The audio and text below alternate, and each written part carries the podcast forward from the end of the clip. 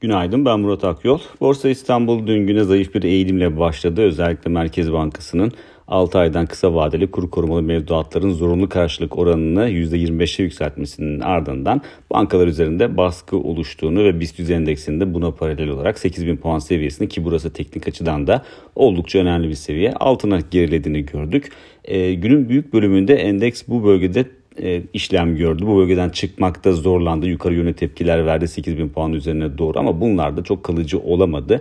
Dolayısıyla günün büyük bölümünde e, 8000 puanın altında geçti işlemler ama kapanışa doğru bu tablo değişti e, kapanışa doğru günün son bölümünde e, tepki alımlarının geldiğini ve endeksinde 8000 puanı e, belirgin şekilde geride bırakarak günün noktaladığını gördük. Bu nokta 8000 puan seviyesi önemli bir nokta. Bu seviyenin üzerinde kalınması, burada taban oluşturulması endeksin yukarı yönlü eğilimini devam ettirebilmesi açısından oldukça e, kritik. E, dolayısıyla haftanın son işlem gününde endeksin bunu ne ölçüde başarabileceğini takip edeceğiz.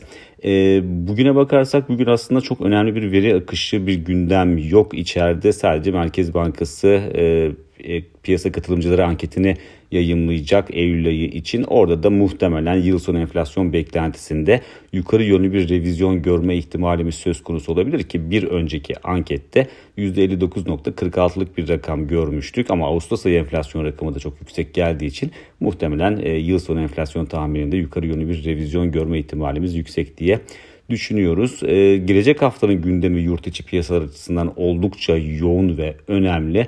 Öncelikle Merkez Bankası e, PPK toplantısını gerçekleştirecek Perşembe günü.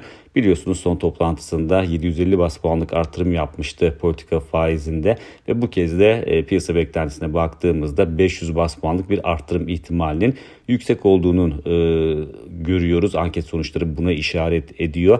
Bunun yanında e, Hazine ve Maliye Bakanı Mehmet Şimşek 19 Eylül'de New York'ta e, yatırımcılarla bir e, konferansta buluşacak, bir araya gelecek. E, bunun yanında Cumhurbaşkanı Erdoğan da zaten Birleşmiş Milletler Genel Kurulu nedeniyle Amerika'da bulunacak. E, bu nedenle hem e, Cumhurbaşkanı Erdoğan'ın Amerika'da olması hem de Mehmet Şimşek'in e, yatırımcılarla görüşecek olması yabancı yatırımcıların Türkiye'ye olan ilgisini arttırabilir. En azından bu yönde beklentilerin ön plana çıktığını görebiliriz ki bu da e, dün kapanışa doğru yakalanan iyimserliğin devam etmesini sağlayabilecek bir unsur olarak çalışabilir. Bu beklentilerle e, Borsa İstanbul eğer bugünü de e, iyimser bir zeminde kapatabilirse gelecek haftada bu gündem maddeleriyle birlikte daha iyimser bir performans sergileyebilir. Dolayısıyla bugünkü eğiliminde oldukça önemli olduğunu düşünüyoruz.